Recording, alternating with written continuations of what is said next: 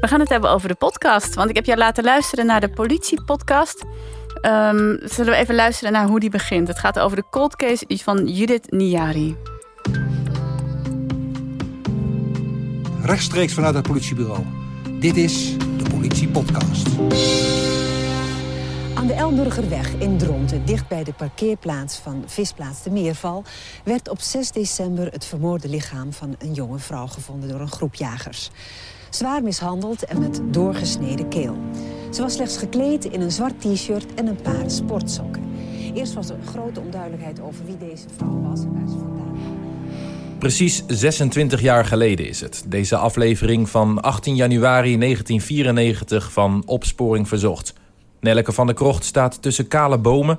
Achter haar geeft een wit silhouet op de grond aan waar het lichaam gevonden is op 6 december 1993. Eerst was er grote onduidelijkheid. Ja, zo begint uh, deze podcast. Er zijn uh, zo'n 1800 cold cases in Nederland. En dit is er één van. Staat ook op de cold case kalender, Judith Niari. En de politiepodcast is een podcast van de politie. Wat vind je ervan, van zo'n initiatief? Heel goed. Uh, het vraagt en aandacht voor de, deze zaken inhoudelijk. Het geeft ruimte aan, in dit geval de broer bijvoorbeeld, die veel aan het woord is. Um, maar het zet ook uh, bijvoorbeeld beleidsmakers, uh, mensen zoals ik, aan het denken van hebben we dit wel goed ingericht in ons land? En als het gaat om cold cases, hebben we dat bijvoorbeeld helemaal niet omdat elk cold case team per regio heel onevenredig verdeeld is. Sommige regio's hebben heel veel uh, mensen daarvoor vrij kunnen maken, andere heel weinig.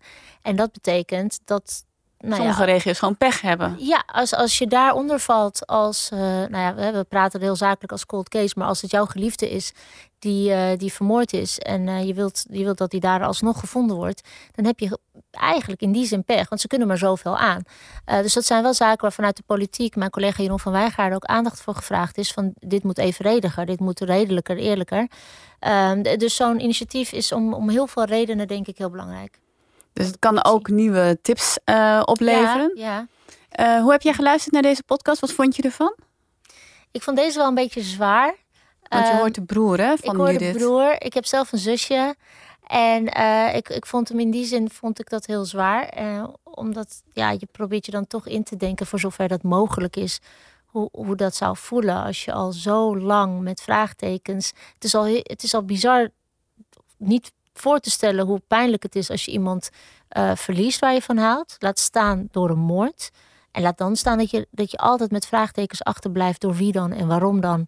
Uh, dat is gewoon verschrikkelijk. En je hoort die broer ook op een gegeven moment zeggen: uh, alsjeblieft, als iemand meer weet, laat het weten. ik ga kapot. Ja. Ik ga kapot, verlos me uit deze hel waar ik in zit. Ja, dat, dat, dat gaat natuurlijk gewoon door merg en been. Ja. Dus je zegt het feit dat die regio's dat die niet allemaal even zwaar bemand zijn als het gaat om het oplossen van deze cold cases, dat uh, gaat er fout. Wat zou er nog uh, verder kunnen worden verbeterd in Nederland om toch die onopgeloste moorden ja, naar, naar mijn weten, dit is, dit, hier zit ik niet per se heel erg goed in inhoudelijk, maar naar mijn weten kunnen we ook veel meer gebruik nu maken van moderne technieken.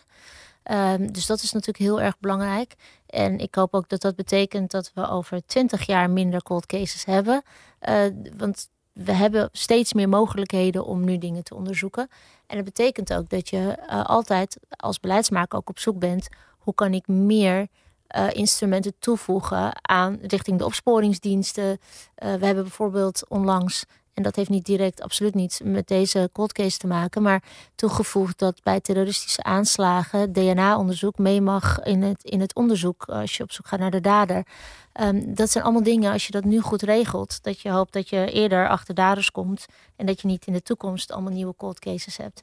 Dus er is veel wat we kunnen doen en we doen dat ook, maar uiteindelijk is het ook, er moeten mensen hier naar geluisterd hebben die er meer van weten.